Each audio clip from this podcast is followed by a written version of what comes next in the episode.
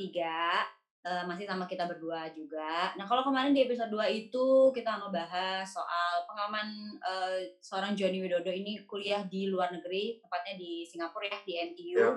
Dan ambil tiga title di sana. Kalau belum nonton ataupun belum dengerin kita di YouTube, di Spotify ataupun di Anchor langsung aja uh, dengerin kita di sana.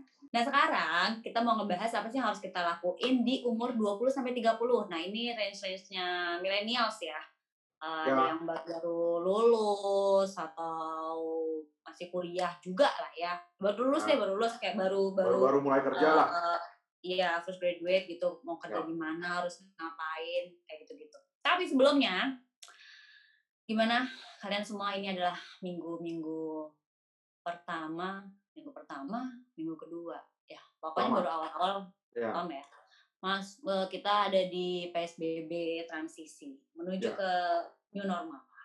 Gimana nih? Aduh, kayaknya kalau kalau aku sih ini lumayan berat ya. Dan tiap hari kerjanya adalah mencari masker yang kece. Karena aku nggak mau ke mall itu pakai masker yang gitu-gitu doang dong. Ya kan secara kita peraturannya tuh sekarang udah beda banget. Ke mana-mana harus pakai masker, harus bawa sanitizer. Aduh, udah deh. Tau gitu mah dulu aku usaha sanitizer aja ya kan. Ya emang sekarang jadi emas itu kan udah jadi fashion ya. Banyak yang orang mesti pakai emas juga untuk matching oh, iya. bajunya dia lah. Banyak oh lah. iya harus yang lucu-lucu. Aku pengen yang kayak ada renda-rendanya gitu. Cuman ya mungkin yang lebih penting lagi sebetulnya sih uh, ya kita lihat ya banyak uh, di mall juga sekarang sudah melakukan uh, salah satu mall itu di, di, di, di Puri ya dia udah ada satu scanner begitu masuk tuh langsung lihat orang ini pakai masker atau enggak, suhunya langsung berapa atau enggak. Jadi begitu oh, lewatin oh, iya. pintu ininya langsung dia bisa tahu gitu. Dan dia langsung Tapi bilang, you are not wearing a mask gitu kan. Jadi, oh langsung diomongin kayak gitu. Jadi nggak nggak perlu pakai yang alat di sini nah, lagi dong. Itu langsung kena. Jadi dia pakai thermal scanner gitu. Jadi Oh itu uh, bagus. Ya, Jadi kan jaga jarak kalau kayak gini kan masih deket kan tangan ya. ke kita gitu. Benar. Jadi mungkin kontrolnya juga bagus karena kan counternya nanti kan kalau pintunya satu kan dia juga tahu kapasitas mau berapa kan harus 50% segala macam. Itu I think that's a good uh, innovative uh, solution ya buat uh, di masa transisi ini sih. Dan semoga nggak nggak banyak lagi lah new casesnya sih. Semoga. Tuh, tapi aku masih nggak kebayang sih uh, kalau biasanya nongkrong-nongkrong di coffee shop gitu harus meja bisa berempat, berdelapan. Terus kan kalau misalnya dibatasin itu gimana ya? Secara kan katanya sekarang apa-apa pakai penyekat kan. Mau ya. naik uh, ojek online juga drivernya harus disekat di belakang. Right. Ataupun kalau yang mobil juga harus pakai plastik ya, drivernya. Di mall kayak gimana coba? Ya, that's the new normal, I would say. Lagian juga kan kalau um, ya mungkin ya sekarang nggak bisa duduk deket-deket lah memang lah. Uh, maybe juga di awal-awal kayak gini juga orang-orang juga masih lebih banyak uh, concern untuk benar-benar berani keluar dan duduk dan deket-deket sama orang gitu. I think the behavior also yes, have changed. Uh, kalau yes, tadinya yes. biasanya nyantai gitu, sekarang lebih very cautious about their their health lah. So let's see lah. Uh, let's see how it goes. Ini katanya bisa sampai 9 bulan ya, setahun ya. well, yang nggak akan nggak akan selesai sampai kita punya vaksin lah. Jadi ya that's that's what it means by a new normal, right? Pokoknya kita harus menganggap diri kita itu uh, apa ya, saling menganggap diri kita itu bahaya untuk orang, ya nggak sih? Supaya right. kita juga jaga jarak. Cautious. Cautious. Kalau kita menganggap diri kita yang paling sehat, ya nggak bisa juga. Nggak bisa. Benar Justru, kalau menurut aku sih lebih baik menganggap kita yang uh, berbahaya untuk orang. Oke, okay, kalau gitu pokoknya semoga cepat selesai kita cepat dapat vaksin. Kalau enggak, ya udahlah kita harus uh, menyesuaikan dulu ya sama keadaan ini di Indonesia. Benar. karena negara lain juga harus saling menyesuaikan semuanya. Kalau gitu langsung aja kita masuk ke topik kita hari ini, apa yang harus dilakukan di usia 20 30 apa aja yang harus dilakukan, kita harus ngapain aja. Ini untuk tahun berapa aja atau untuk tahun 2020 aja nih? 2020 ini ada benar-benar spesial banget deh. Ya, yeah. I, yeah, I think it's a general knowledge lah ya. Kalau mungkin kalau saya saya ngeliatnya sih benar-benar general knowledge lah. Uh, kan kalau kemarin kan waktu kita cerita juga kan uh, saya ada ngomong saya bilang bahwa uh, kadang-kadang banyak anak-anak yang pada masuk kuliah itu mereka nggak tahu mereka mau kuliah apa. Tapi, nah, tapi mereka tahu apa yang mereka nggak mau. Betul. Biasanya oh, mereka aku ingat kan. Correct. Nah, jadi dari situ kan, uh, cuman kadang-kadang begitu masuk kuliah, memang sudah komitmennya menjadi empat tahun kan. Uh, maybe you can switch one time gitu ya, tengah-tengah misalnya setelah satu tahun kamu pindah jurusan, tapi uh, unlikely you switch four times. Uh, sampai empat kali ganti itu jarang lah. Paling cuma sekali tahun pertama dia masih bisa switch. Beberapa bisa. Jadi jurusan misalnya first year engineering, misalnya dari electrical dia pindah ke civil atau apa, karena first year itu banyak yang common common Oh classes iya iya. bisa iya. ditransfer, Eh dulu aku juga tahun pertama mak sempet kok mau pindah, cuma tapi nggak pindah. jadi. Habis soalnya kayak aku pikir-pikir eh, mungkin masih bingung juga ya. Itu aku kayak termasuk bagian orang yang eh, belum tahu mau kuliah jurusan apa. Jadi kayak apa pun yang aku eh, pelajarin ya udah gitu. Makanya waktu itu sempat kepikiran waktu kuliah apalagi semester awal ya itu benar-benar eh, nggak nggak masuk deh gitu. Terus pengen pindah tapi dipikir-pikir ah ntar juga kuliah mah gini-gini aja gitu. Lulus juga ntar kerjanya beda lagi. Gitu. Makanya tuh Which is- bingung nih kalau true. anak sekarang juga kan masih bingung kan ntar kuliah tuh mau ngapain usia masih muda Ya, jadi I think I think first thing first, uh, kalau saya tadi itu satu yang tadi saya bilang. Yang kedua juga banyak orang mungkin melihat gitu misalnya, uh, oh sebenarnya lo nggak perlu sekolah. Kenapa? Banyak kok businessman yang sukses nggak pernah ada nggak ada pendidikan juga, atau mereka DO gitu kan. Uh, Ah, a iya, iya, iya, a iya. lot of people make that statement juga, and this is true. benar-benar itu true gitu kan. Kalau kita nengok ke belakang, uh, many of our conglomerates in Indonesia back then mereka juga nggak ber- punya pendidikan gitu kan, ada yang S1, nggak ada yang S2 dan lain-lain gitu. Even like Facebook juga uh, apa foundernya juga drop uh, drop out. Uh, iya uh, nggak like- betah dia di sekolah kayaknya exactly, right? Jadi Iya. jadi banyak orang yang uh, punya pemikiran seperti tadi gitu. Cuman kalau saya melihat uh, uh, secara statistik, jadi first thing first, um, orang yang kalau dia sekolah?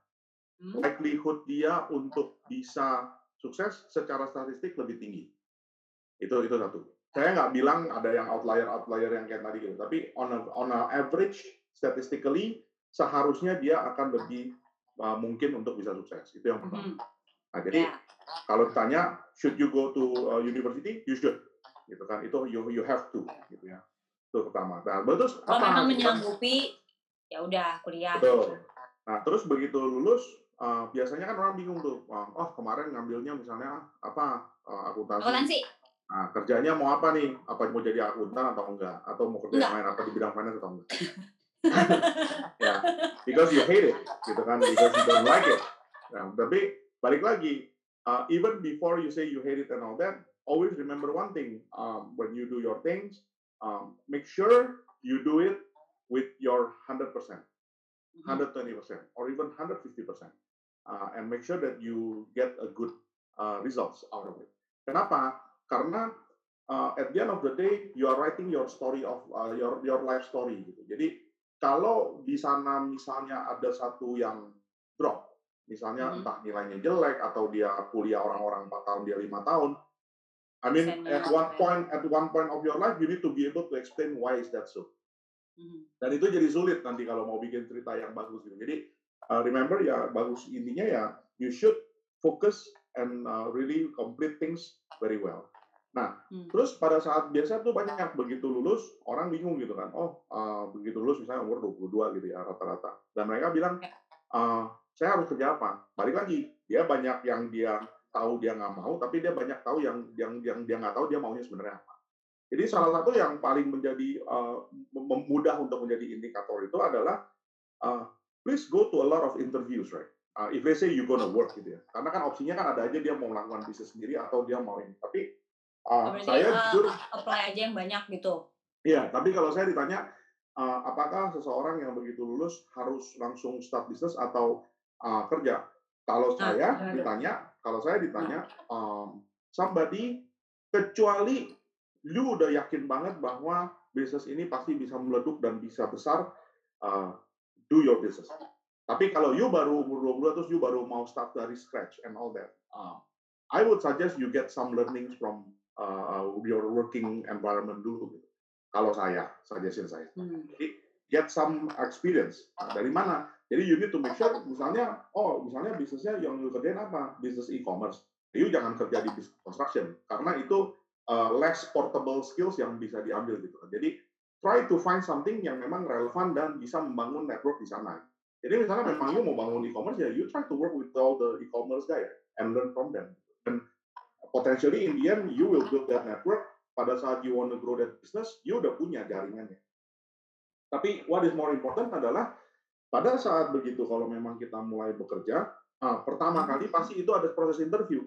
Nah, pada saat proses interview itu, always remember, uh, it's not only the hiring manager that is evaluating you, tapi you also evaluate your hiring manager. It's a two-way evaluations.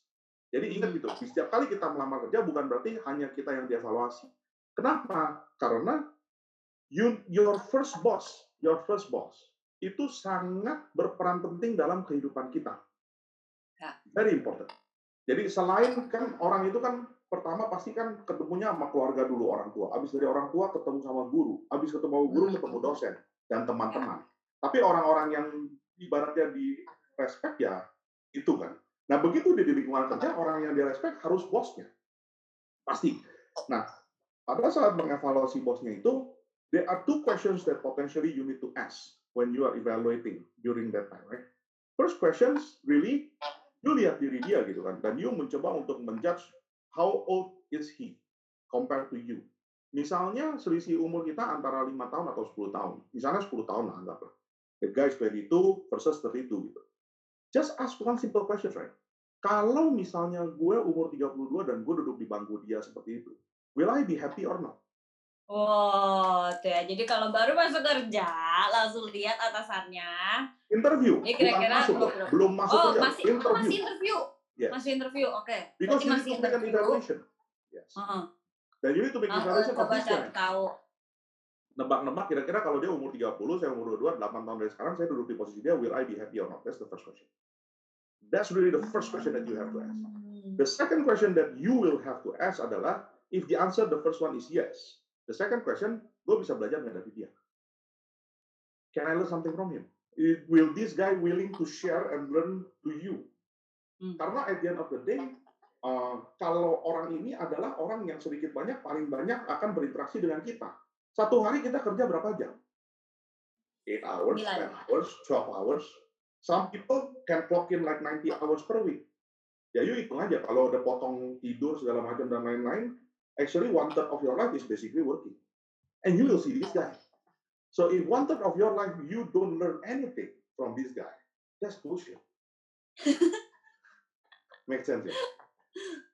Jadi itu itu yang pertama gitu. Jadi orang yang menjadi akan menjadi bos kita yang pertama itu menurut saya sangat penting terhadap karir kita berikutnya. Kenapa? Dia yang akan bisa melihat, misalnya, he is a risk taker. Oh, dikasih kesempatan untuk orang ini uh, make failure, make mistake, taking risk. Dengan sendirinya pada saat kita bekerja kita akan mulai punya mentalitas seperti itu. Tapi kalau misalnya bos kita itu modelnya yang risk averse, dikit-dikit lu mesti minta izin nggak boleh gini gitu, oh nggak bisa ini, we cannot afford mistakes bla bla bla. Oh itu bete banget. Itu mentalitas dia pasti nanti akhirnya kayak robot. Jadi ya you tell me A, I do A, I will never Iya, think iya, about iya. what is the end goal which is the D. Nah ini ini itu itu penting kalau menurut saya. Mhm. Jadi comeback begitu sudah melakukan evaluasi tersebut dan if let's say you you answer the two question is yes, take the job. Don't think about the money. Just take the job. Kenapa? You will learn from that person. Just take the job.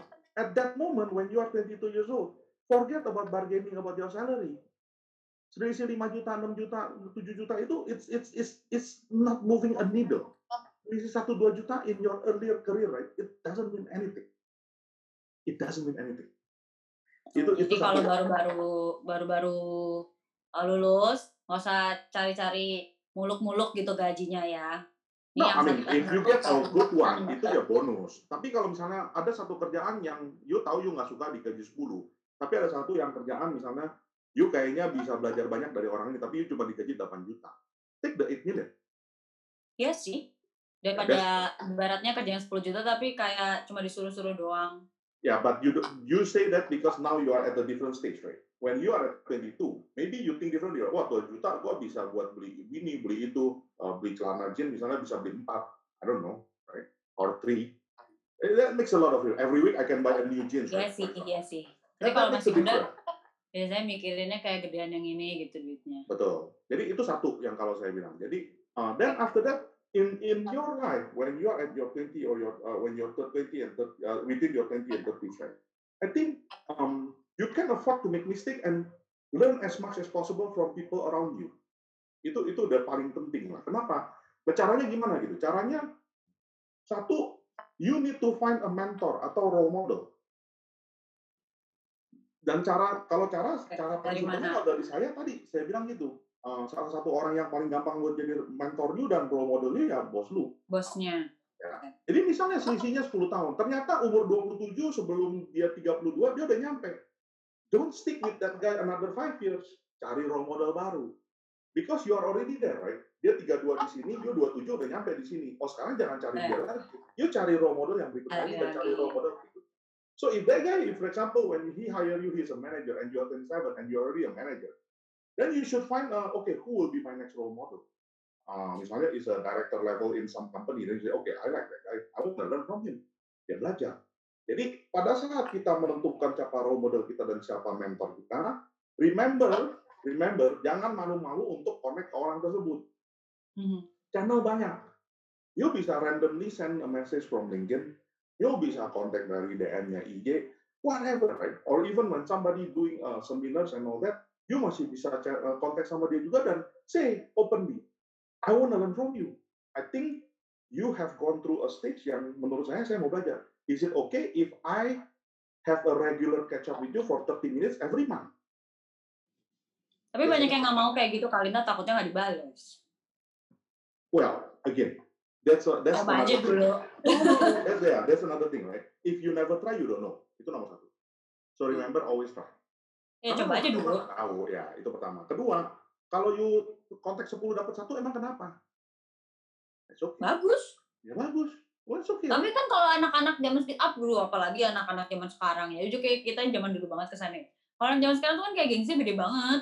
Oh, Udah ya. baru ntar baru ngontak ah, satu dua eh, nggak dibales eh, nggak mau lagi. Mending kalau ngontak kan banyak juga eh, kalau umuran segitu tuh masih kayak wah dia mah udah keren banget. Terus kalau nge DM tuh kayak gimana gitu. So this is what one of the thing that you pointed out very clearly, right? Bahwa memang salah satu generasi yang sekarang di tren itu adalah generasi yang saya pernah bilang dulu generasi instan atau generasi micin. Semuanya maunya cepet. Begitu masuk kerja tiga bulan, pengennya langsung bisa dipromo. Nggak ada. There's no such thing, right? I mean, there is a process and all that, right? So uh, semua maunya I'm, I'm the I'm, uh, begitu graduate dapat cum laude, I can conquer the world. I'm the best. Uh, it's like I'm the smartest guy in the whole world and all that. No such thing. In this world, there are a lot of smart people. Uh, at the end of the day, you need to learn, and there's a process. Uh, mungkin bisa lebih cepat, mungkin. Ya. Uh, you need to be, dan itu kembali lagi, you need to be smart enough to find that opportunity along the way. Tapi memang short attention uh, uh, itu menjadi salah satu challenge untuk orang-orang yang mungkin lahir di generasi uh, Gen Z or even lower, right? Nah itu banyak orang misalnya kerja, oh gua santai kok, gua kerja kerja kerja gaji 10 juta nggak apa-apa tiap hari bisa beli Starbucks. Uh, tabungan nggak ada, Uh, angan-angan mau bisa jalan-jalan ke Alaska. Hmm, Terus ya kalau misalnya gua nggak suka ya udah besok langsung gua nggak mau masuk kerja, gua resign aja, gua cari kerja yang lain. It's okay. Me- Menggampangkan ya. Ya, jadi um, very pengennya tuh life has to go through my way. Mhm. But in reality, uh, like if it's not my way, there's no way. Nggak bisa begitu gitu kan. In reality, in life itu banyak external factors yang akan membentuk kita dan membangun kita sampai ke satu titik yang kita mau. Nah itu itu itu penting kalau buat saya. Jadi in in your earlier career, when you are at your 20s and 30s, forget about the money, right? I mean, I'm not saying that money is not important. Money is important, but money is a hygiene factor. Mhm. Uh, to be frank with you, uh, orang yang misalnya uh, there's a, a research right di US itu, when somebody already earns seventy thousand dollars per year, anything beyond that right, itu tidak incremental benefit of happiness-nya itu sangat kecil. Seventy thousand dollars per year itu kurang lebih berapa ya? Berarti satu m lah ya setahunnya. Eh, is it true? Ya, sekitar satu m lah setahun.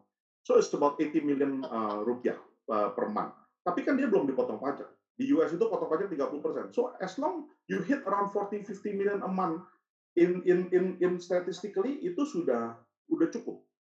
Anything more than that itu incremental happiness-nya nggak terlalu seperti kayak waktu dari 10 juta ke 20 juta lah. It's very different. Hmm.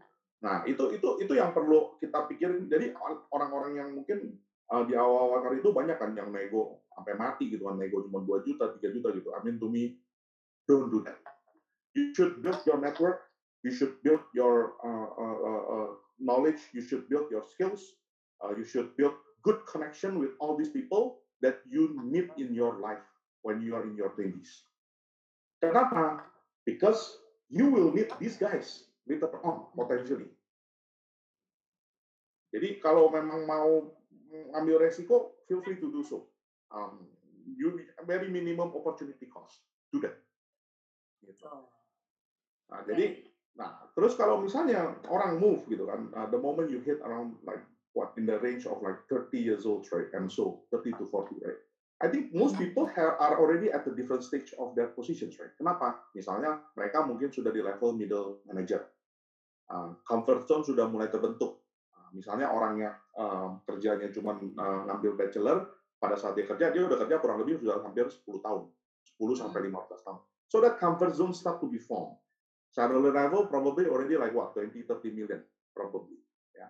Jadi terus udah mulai berkeluarga, sudah mulai punya anak, cicilan mulai banyak, ada mulai dari cicilan rumah, segala macam dan lain-lain. So but again at that moment it's actually the best time for you. Kalau memang mau melakukan sesuatu yang you merasa that you are already good at and you want to try, that you learn from your younger days, you should do it that really the best time for you to do it, right? Uh, meskipun banyak uh, komitmen yang tadi saya bilang tadi, somehow you need to work out with your partner uh, and see what is more feasible, gitu kan? Mm-hmm. Mungkin misalnya ya when I'm doing all this, mungkin income hilang setengah, tapi uh, the other half maybe we can kita bisa cut cost dari sebelah sini atau apa, whatever, I don't know. But that's something that you need to figure out. And if you want to do it, you should do that when you are in your 30s and take that risk if you want to do it. Kenapa? Karena anything after that, anything after that is way too expensive for you if you want to do it even more. Biasanya orang itu kan di usia 40-an atau ke atas bahkan di 50-an itu 40-an sampai 50 that's actually when they will reach the peak of their career. Udah puncak. Kenapa? Karena dia kalau kerja itu kan dia sudah di dari 22 sudah hampir 20 tahun kurang lebih. Eh. Oh iya ya, 20 years. So when somebody already work for 20 years and all that, pretty much dia udah sampai di level yang udah mulai di atas lah. Anything after 45 and 50 ya dia udah mulai going down basically ya, biasanya. Tapi masih banyak juga yang memang masih bisa nanjak terus ya. And I can mention a few names on that. Tapi in general the flow is like that, right? Jadi when you are in your 50 60s ya sudah lah, udah udah ya pelan-pelan mulai let go, uh, pelan-pelan mulai menikmati pundi-pundi aja ya. Ya, hopefully lah ya kalau ada pundi-pundinya. Ya kan? pelan-pelan nah, mestinya sudah supaya mulai. ada pundi-pundi di usia uh, 50 sampai 60. Pas nah. muda gimana ya? Ya, jadi gini, uh, kalau tadi kan saya ceritakan on the fact that on the working side gitu ya. Tapi banyak juga orang yang mungkin akan jalannya itu uh, dengan melakukan opening the business and becoming very filthy rich when they were very young gitu kan. Banyak juga. Uh, hmm. apalagi di zaman sekarang gitu ya. Uh, dengan membangun ada ide uh, maybe next time we can discuss about that on how you build your business and all that what kind of framework that we should think about. Tapi become you become very filthy rich when you are very young. Uh, tapi in general again people kayak tadi kan uh, go through that normal path of study working uh, yeah. raise up the ladder uh, at one mm-hmm. point, ya get married and all that, and then that's it, right? You're going for the uh, retirement. Nah, yeah. gimana caranya? I think a few things, right? Satu, saya nggak bilang bahwa you should not go and have fun and enjoy your younger days, right? You do and you should. Uh, tapi always remember that uh, at the end of the day, uh, there are certain things that you need to take care of. Uh, kalau tadi saya bilang when you are in your 20s and you don't need to think about whatever about the uh, money, more about the money. Uh, tapi when the moment you hit your late 20s or even start with your early 30s, it's really the time for you to start to think about that juga. Uh, kenapa? Di ya dari ya balik ya, um, because you need to have all that commitments. Uh, dan hopefully in the next 10 years or 15 years or 20 years from now, from then, uh, you will have that uh, accumulation of the wealth. Nah, salah satu caranya gimana? I think there are a few ways, right? So one, um, benar-benar doing a very strict uh, posting of your uh, ini apa expenses. Jadi kayak saya dulu juga uh, di awal-awal itu I'm very strict on uh, uh, recording on what I spend. Uh, waktu kuliah itu terutama kayak begitu tuh because money is very limited ya jadi sama gitu sampai punya Excel oh hari ini saya spend segini untuk transportasi saya spend gini untuk beli lecture note saya spend segini untuk makan dan lain-lain. So, oh jadi benar-benar detail banget tuh ya? Ya beli jadi ada makan correct. Jadi tahu gitu begitu. Ya jadi begitu uh, uh, seminggu you already have a few oh I spend how much uh, how much I have left and all that. Nah itu itu menurut saya is a good uh, uh, behavior uh, untuk mulai sadar bahwa uh, akan pentingnya uang, gitu ya. Uh, to have cash flow or to have savings when um, when uh, whenever you need it lah, itu satu. Yang kedua, uh, try to do a lot of investments, right? So in Indonesia banyak orang yang sebenarnya invest only on two things. Uh, satu dia invest di rumah property. atau tanah ya atau properti. Dua emas. So those are the only two things that is the most favorable investment in Indonesia. Most Indonesians, even people like your age, still the same. Masih ngomongnya sama Tapi kan. kalau emas tuh paling gampang tahu, ya kan? That is correct.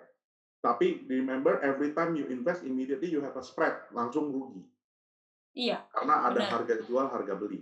Itu satu. Iya. Kedua, emas itu, itu padahal baru pertama banget loh. Benar. Dan Orang kedua, kadang nggak nggak nyadar gitu. Betul. Dan kedua, emas itu adalah emas yang investasinya amat sangat jangka panjang. Nggak betul nggak boleh cerita satu tahun. If you are lucky, yes, in one year probably you'll get some money out of that, right? Tapi in general, you'll be like like the horizon has to be five years. Puluhan. Ya, lah, five years, ten years lah, at least. Gitu. Properti pun sama gitu, horizonnya five years, ten years. Terus kedua, you need a lot of money buy that kan. Hmm. Maksudnya mau beli apartemen, mau beli properti, mau beli apa berapa? 500 juta, 1 M, 2 M, hmm. a lot of money. Terus capital di awal juga besar gitu. Dan banyak orang yang nggak bisa keluarin itu langsung. Nah, buat dia sendiri aja juga susah gitu yang di awal yang pertama. Nah, itu itu ada matematikanya lah, hitung-hitungannya dari orang yang kalau gaji segini, penghasilan segini, dia bisa beli apa segala macam. There, there are some mathematics on that. Tapi um, I think itu dua yang kebanyakan orang Indonesia uh, suka untuk melakukan investasinya. Sebenarnya banyak investasi lain kan, um, termasuk misalnya dalam kalau nah. sekarang misalnya saham atau misalnya di mutual funds atau kadang-kadang sekarang juga banyak asuransi yang diikat sama funds dengan uh, dibilangnya investment link fund and all that, right? Uh, again, uh, if there is FD risk, of course there is risk, right? Uh, tapi uh, I'm a strong believer of uh, having the investment across many things. Kalau you tanya sama saya, saya pernah investasi saham pernah. Pernah kebakar nggak? Pernah. Lumayan banyak, oh. banyak.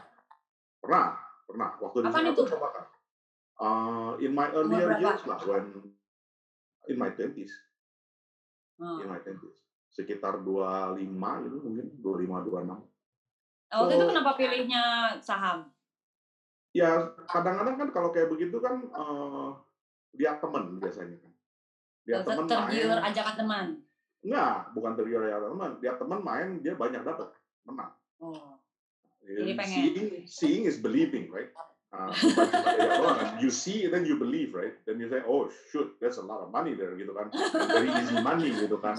Uh, within eh, a day, you can, within a day you can like that. Nah, begitu masuk, ternyata kena crash, kena kunci, sampai sekarang pun masih ada yang kena kunci. Nggak bisa keluar, gara-gara udah hancur banget harganya. Mau jual juga ruginya banyak sekali. Lah kenapa nggak dijual? Ya, belum sempat ke sana lagi lah. ya, itu umur segitu waktu itu tapi belum kepikiran untuk uh, ini invest di properti. So at that time for me not yet, karena at that time at that time kan masih mikirin untuk bayar utang sekolah dulu. Hmm. So basically for my case when I was in my 20s, basically I don't have a lot of investment and all that. Cuman benar-benar mencoba main gitu terus itu kejebur kunci ya sudah. Terus uh, a lot of the times when I was in my 20s, um, I invest a lot on myself. Jadi go back to school, kumpulin duit buat bayar utang dan lain-lain. A lot of all that investing on the education side lah, lebih banyak di situ. That's that's that's basically uh, ini sih kalau saya ngelihat ya kurang lebih begitulah. Uh, hmm. Jadi kalau um, kalau saya ditanya sebenarnya banyak tuh orang-orang yang bilang gitu kan, uh, uh, misalnya begitu dia masuk kerja gitu kan, uh, ada yang bilang oh baru lulus minta langsung gaji mau 8 juta, mau 10 juta gitu kan, atau oh, bilang wah masa gue cuma digaji sini kan gue kan dari universitas paling top dan lain-lain segala macam. Oh kan sempat ada yang viral dari yes. salah satu universitas dan di Indonesia gajinya cuma 8. Gitu. Waktu itu 8 atau 12 kalau nggak salah, saya lupa juga. Tapi that is actually a fact, not only one person, you know. Uh, when I, uh, and when I interview people and all that itu kadang-kadang saya juga sampai kaget gitu. Lu sebenarnya udah ke mana aja sih kok begini sampai bisa begini gitu. Kadang-kadang uh, yang jadi masalah juga bukannya masalah orangnya juga. Uh, this is a basic principle of economics, right? Jadi ada supply, hmm. ada demand. Gitu. Ini kan si penyedia jasa kan sebenarnya kan orang yang mau kerja kan adalah si supply. Si demand hmm. itu kan si perusahaannya. Nah, dengan adanya e-commerce yang booming terakhiran ini, uh, dengan adanya startup-startup yang banyak, in a way, in a way, kalau menurut saya itu agak merusak harga pasaran salary orang. Gitu. Jadi misal suddenly in needs of UI UX designer itu rare talent. Susah nyarinya dulu. Siapa sih yang belajar UI UX design bikinin buat desainnya app dan segala macam? Suddenly orang, oh udah pernah kerja di mana? Di sini setahun ambil banyak berapa kasih dua kali lipat gaji saya berapa 8 juta pindahin sini 16 juta langsung kita berani bayar yeah, something yeah. like that itu rusak kan itu pasarnya rusak. Itu benar-benar pasarnya rusak. I have interviewed somebody before at 27 years old. Dia kerja di perusahaan banyak yang namanya besar-besar. Nah, terus saya ngelihat dia punya CV mentereng nama nama nama perusahaannya besar-besar semua gitu. Hmm. tapi kerjanya pendek-pendek. Paling enam bulan 9 hmm. bulan, 6 bulan, 9 bulan gitu kan. Salary dia itu karena ini. Hmm? Itu karena tadi dicabut, dipindahin, pajak-pajakan, pajak-pajakan. Nah. Emang anaknya pintar, anaknya pintar. Tapi begitu when I interview all that, uh, dia pintar gitu kan, masih muda, masih 27 segala macam, energi tinggi semua. Uh, tapi one thing that I feel is lacking is there is none of his job that he complete everything from A to Z. Jadi dia bisa bilang gitu, oh I've done this, this, this, this, this, this, tapi proyeknya belum selesai, eh udah pindah. This. ini belum selesai, udah pindah gitu. Pintar, anaknya pintar. And I'm so I'm so surprised actually when I ask his salary, dia di range 60 juta net. Ini ini cerita di kantor kamu sekarang.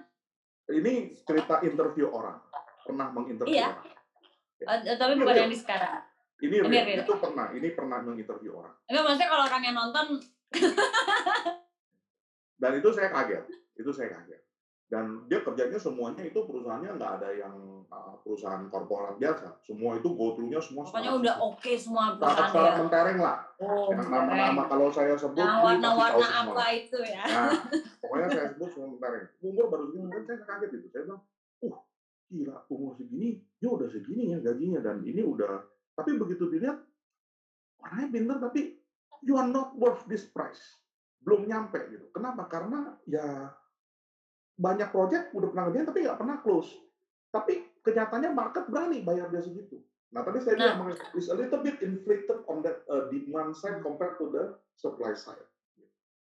Nah kalau kayak gini, um, maksudnya bagusan yang kalau kayak itu kan pindah-pindah berarti kan menurut dia wah kerja gue oke nih sampai ada yang mau narik gue dengan gaji dua kali lipat gitu. Benar. Tapi itu harus diturutin atau kita bertahan aja di kantor yang lama gitu dengan tadi kan masih mungkin belajar. Look, if you can get that at your twenties, feel free to do so right.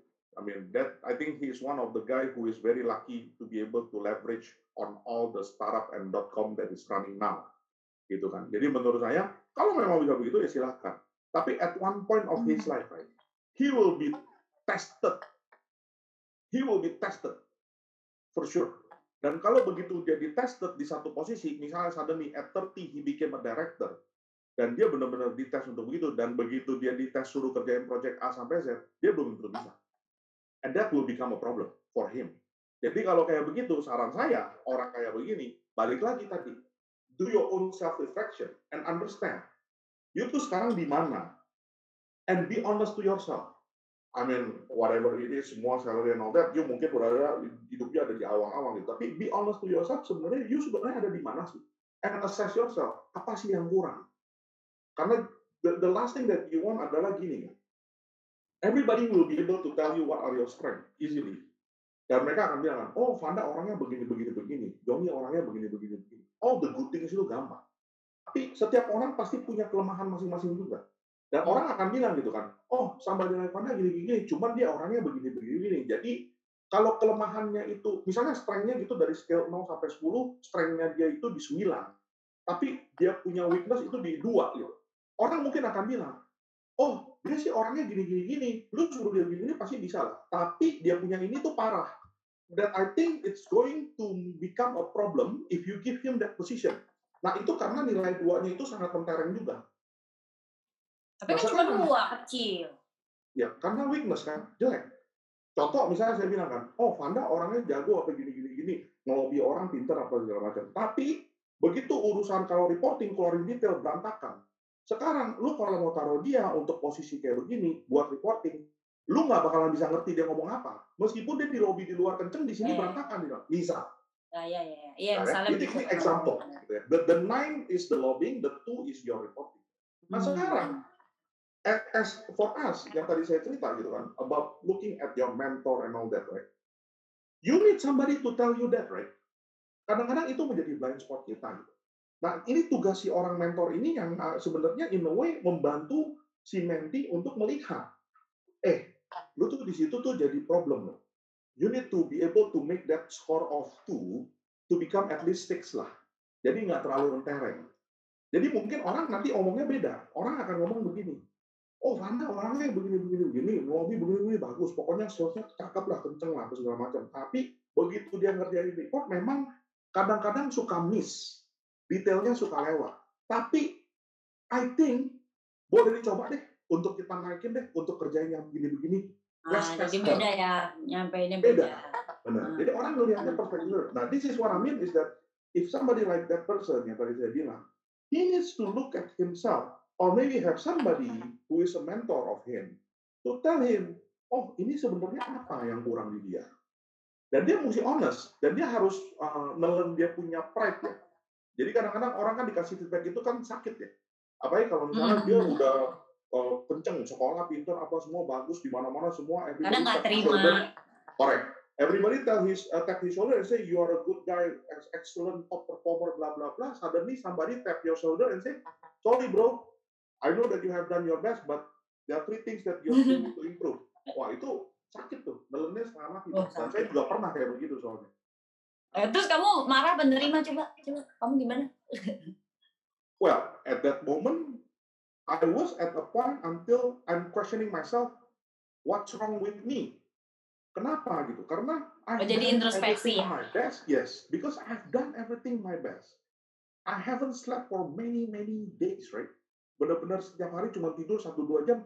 Tapi kok gue masih nggak bisa? Masih ada kurang gitu. Kurang. Ini kenapa? Apa gara-gara is it because that I'm not cut for this? Apa ini karena I need to be out of this? There is a fit issue or what? I even start to question myself. Salahnya di mana sih? Ya akhirnya ya mencoba untuk mencari salahnya dan bilang uh, just tell you I, I, I tell myself basically look if other people able to do it I don't I do not believe I cannot do it. Let me learn from that person how he does it and understand where is my gap and try to close that gap. Balik lagi ceritanya kan ke yang tadi 92 jadi 95. Karena kadang-kadang orang-orang gitu kan, dia punya strength di 7, dia punya weakness di 2 gitu. Jadi mediocre. Dia hmm. punya karakternya nggak kelihatan, nggak nonjol. Tapi jeleknya kelihatan. Nah, my advice to a lot of people would be remember that number. Don't don't be a seven five, don't be a seven two, be the nine six. Jadi your strength udah itu you harus benar-benar hampir sempurna. Kenapa? You should be very grateful when you have that strength. Artinya you spend satu jam, you mungkin udah nyampe di sana. Orang-orang kalau mau kayak lu, 10 jam aja belum tentu nyampe. Hmm. Nah, itu you mesti sharpen sampai benar-benar orang langsung bilang, if somebody look at Johnny, they know, oh Johnny karakternya begini, three things they talk about Johnny, langsung bilang, tuk tuk tuk out, which is your strength. Gitu. Nah, terus it, that's that's that's that's itu itu itu satu yang menurut saya uh, in many of the thinking of the people as they grow and they become uh, uh, uh, uh, uh, somebody in the, their life ya, yeah, they have to remember that. Oke, eh tapi gimana ya cara nentuin uh, mentor yang bagus tuh? Misalnya aku baru masuk kerja gitu, terus tadi kan kamu bilang lihat bosnya, terus ntar uh, dia jadi role model kita. Ya kalau dia bagus, kalau misalnya nggak cocok atau apa gitu. Atau nggak usah di tempat kerja deh, misalnya role model kita atau mentornya di tempat lain gitu. Cara yeah. nentuin yang yang cocok itu gimana? Sure. Jadi um, saya ngebaginya dua hal ya, dua hal ya. Satu, uh, kadang-kadang mentee and mentor itu mesti ada satu chemistry pasti. Kenapa? Karena uh, that person should be uh, si menti mesti sangat comfortable untuk cerita tentang yeah. dia uh, uh, professional things and all that, professional life, uh, his challenges, and very open and very honest. At the same time, si mentor juga mesti uh, uh, apa mau mau untuk spend time uh, probing questions, trying to understand uh, uh, menti punya uh, uh, ini dan uh, really becoming that supportive, right? Uh, supportive. Tapi satu yang orang mesti ingat adalah uh, at the end of the day, everyone is responsible for their own life. Uh, so never say that I fail because my mentor to say ask me to do so. That is again is a bullshit. Nggak ada. Jangan juga kayak gitu. Nggak bisa gitu ya. Itu itu juga terus jangan pernah juga misalnya uh, a mentor misalnya selalu bilang, oh lu tuh harus jalannya begini, lu tuh harusnya jalannya begini begini begini. Ini udah paling benar kan ini. Itu dan that that's another issue or a sign that somebody who is very uh, apa ya uh, apa metodologinya itu uh, sangat satu dua tiga dan sangat fix fixated with his way. His Karena dia merasa kan mentor ini lebih pinter atau lebih uh, di atas dia. Jadi apa yang Betul. diomongin tuh kayaknya tuh, oh itu udah pasti bener tuh. Gitu. Betul. Dan biasanya karena karena biasanya adalah dia akan menceritakan jalan hidup dia dan dia akan bilang lo copy paste saja. Karena ya. gue kan nyampe sini gue sukses. Lu kalau ikut nah. ini, lu pasti benar. Misalnya, nah. oh lu kalau mau sukses, yaudah lu ambil PhD lah. Because sama PhD holder. Nah. You should take a PhD. Di mana? Oh, have to be top tier school. Itu nggak bisa. Dan a lot of people are very different, have different characteristic, different strength, different weakness, and all that. Very different. Jadi dua yang tadi saya bilang. Yang satu, uh, uh, yang tadi saya bilang, jangan pernah uh, uh, uh, harus ada bisa ada chemistry. Yang kedua, jangan pernah berpikir bahwa apa pun itu bisa di copy and paste. Yeah. Contoh misalnya this shirt, right? It looks nice on me. Ya, saya pakai pas gitu. Saya kasih pakai Vanda, ketahuan minjem. Ya. Yeah. That is actually copy paste. Apalagi kalau baju aku. Nah, ya. kamu di sini robek. itu tuh copy paste namanya. Jadi yeah. again that, that that something that you remember. Nah, kalau ditanya gimana caranya kita bisa tahu-tahu enggak? You need to be able to manage that thing, right? Jadi kamu harus bisa tahu gitu pada saat berdiskusi sama dia, ada chemistry gak? Orang ini peduli gak sama kamu, mencoba mensupport kamu. Dan, tapi jangan berharap bahwa dia akan solve every problem that you have. No, you solve your problem. He is only there to be the supporting structure for you in some way, again, in certain cases. Nah, jadi kalau ada memang dalam hidup ini kamu sudah dan kamu nggak perlu harus satu punya mentor gitu tapi bisa punya beberapa mentor because again everybody is good in different things. Ya. Pada saat kamu punya beberapa mentor itu, you need to diligently set your own milestone. Dan milestone itu tuh kadang-kadang orang overcomplicating things on milestones. Kenapa? Misalnya simple gini. Oh, sekarang orangnya introvert. Uh, saya nggak berani ngomong di depan banyak orang dan lain-lain gini. gini. Uh, Oke, okay, let's work on that for the next six months how can you be more comfortable uh, to do and speak up in front of a lot of people misalnya. Mm-hmm. Itu objektifnya. Gitu kan? Yeah. Nah, milestone-nya apa every month? It could be as simple as this, right? Oke, okay. bulan pertama ya, lu setiap kali ada meeting rame-rame, at least in every meeting you say three things.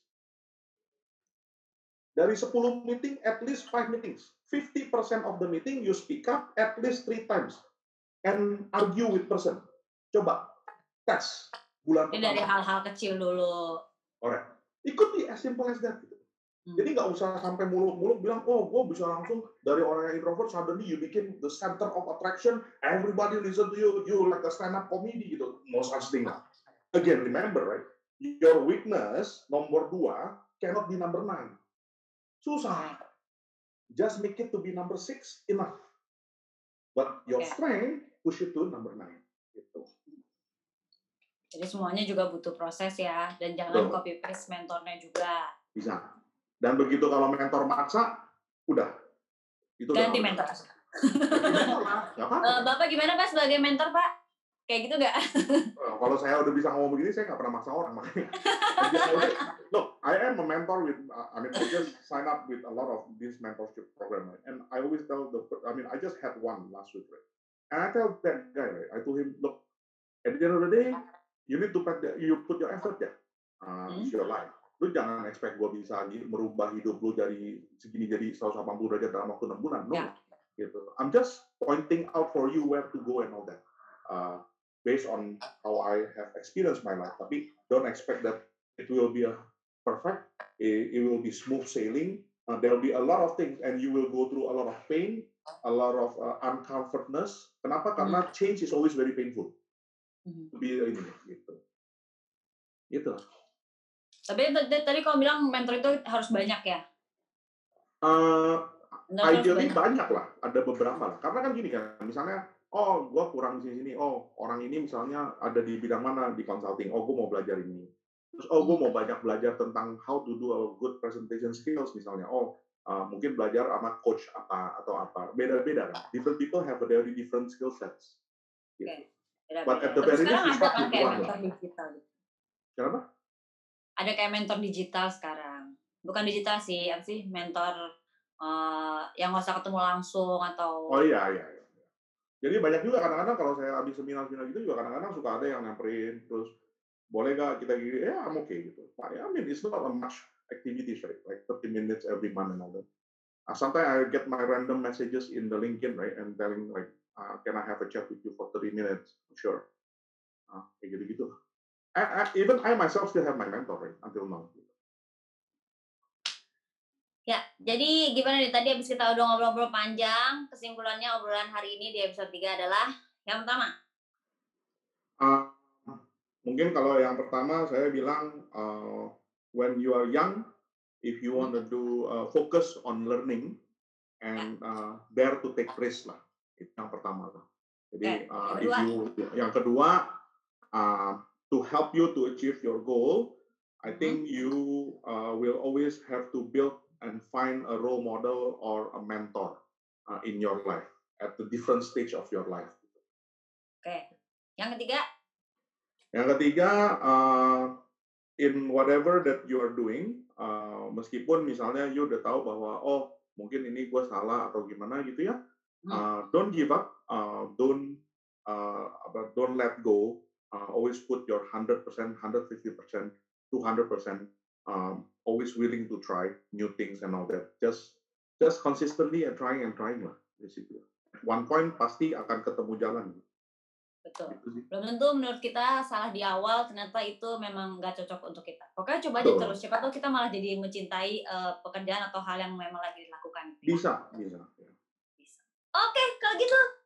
Thank you banget hari ini ngobrol-ngobrol uh, episode-nya ngebahas tentang apa yang harus kita lakukan di umur 20 sampai 30.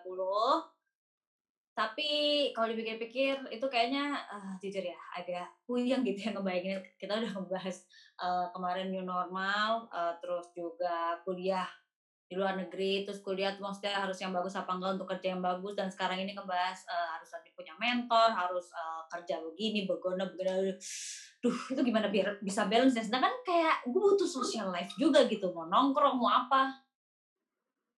So yeah I think maybe mungkin minggu depan kita bisa ngobrolin itu sedikit. Uh, oke oke oke. Ini kalau dibahas di sini kepanjangan ya. Jadi kepanjangan. Mungkin saya bisa kasih contekan dikit. Contekan dikit kalau saya uh, okay. tidak percaya dengan work life balance, tapi saya percaya dengan work life integration. So let's let's talk about it more next week. Oke. Oke, kalau gitu sampai ketemu di episode selanjutnya. Pembahasan kita nanti adalah work life integration.